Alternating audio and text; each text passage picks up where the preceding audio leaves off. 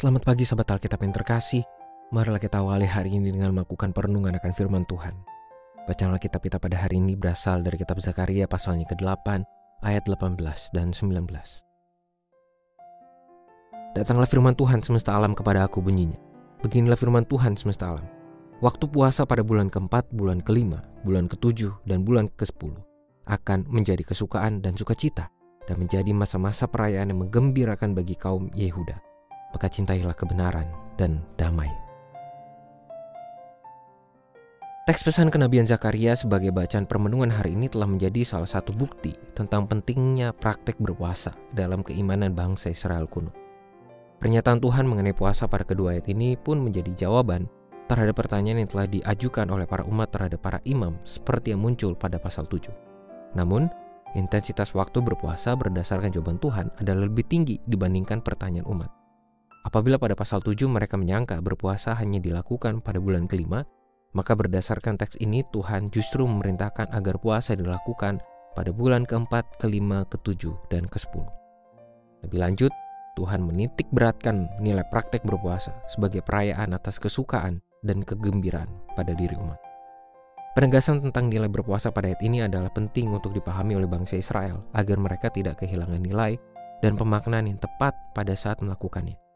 Persoalannya sesuai dengan pemahaman mereka terkait berpuasa, seperti yang tergambar dalam pertanyaan yang muncul pada pasal 7 ayat 3. Mereka masih menjalani puasa sebagai formalitas belaka. Berpuasa yang mereka lakukan secara rutin itu justru tidak menolong mereka untuk membangun relasi yang semakin intim dengan Tuhan. Itulah mengapa Tuhan mendidik mereka agar melakukan puasa sebagai perayaan penuh kesukacitaan.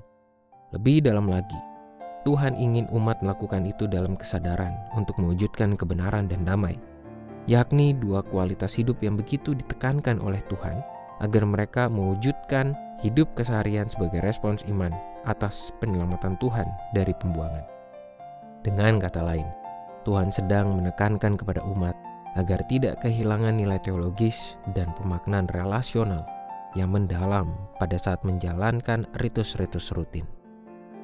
Sahabat Alkitab, Permenungan ini telah memberikan kita kesempatan bangun respons dengan kesediaan untuk menilik ke dalam diri sendiri, khususnya terkait alasan, tujuan, dan pemaknaan dari setiap praktek peribadahan yang kita lakukan, entah yang dilakukan personal maupun komunal.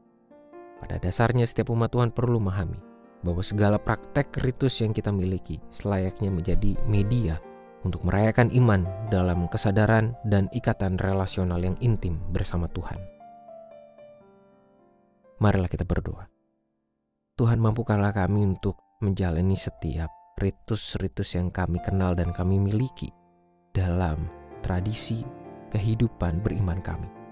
Biar semua itu boleh kami lakukan sebagai perayaan iman, sekaligus dengan kesadaran dan pemaknaan yang menolong kami untuk memiliki dan membangun ikatan relasi yang semakin intim dengan Tuhan.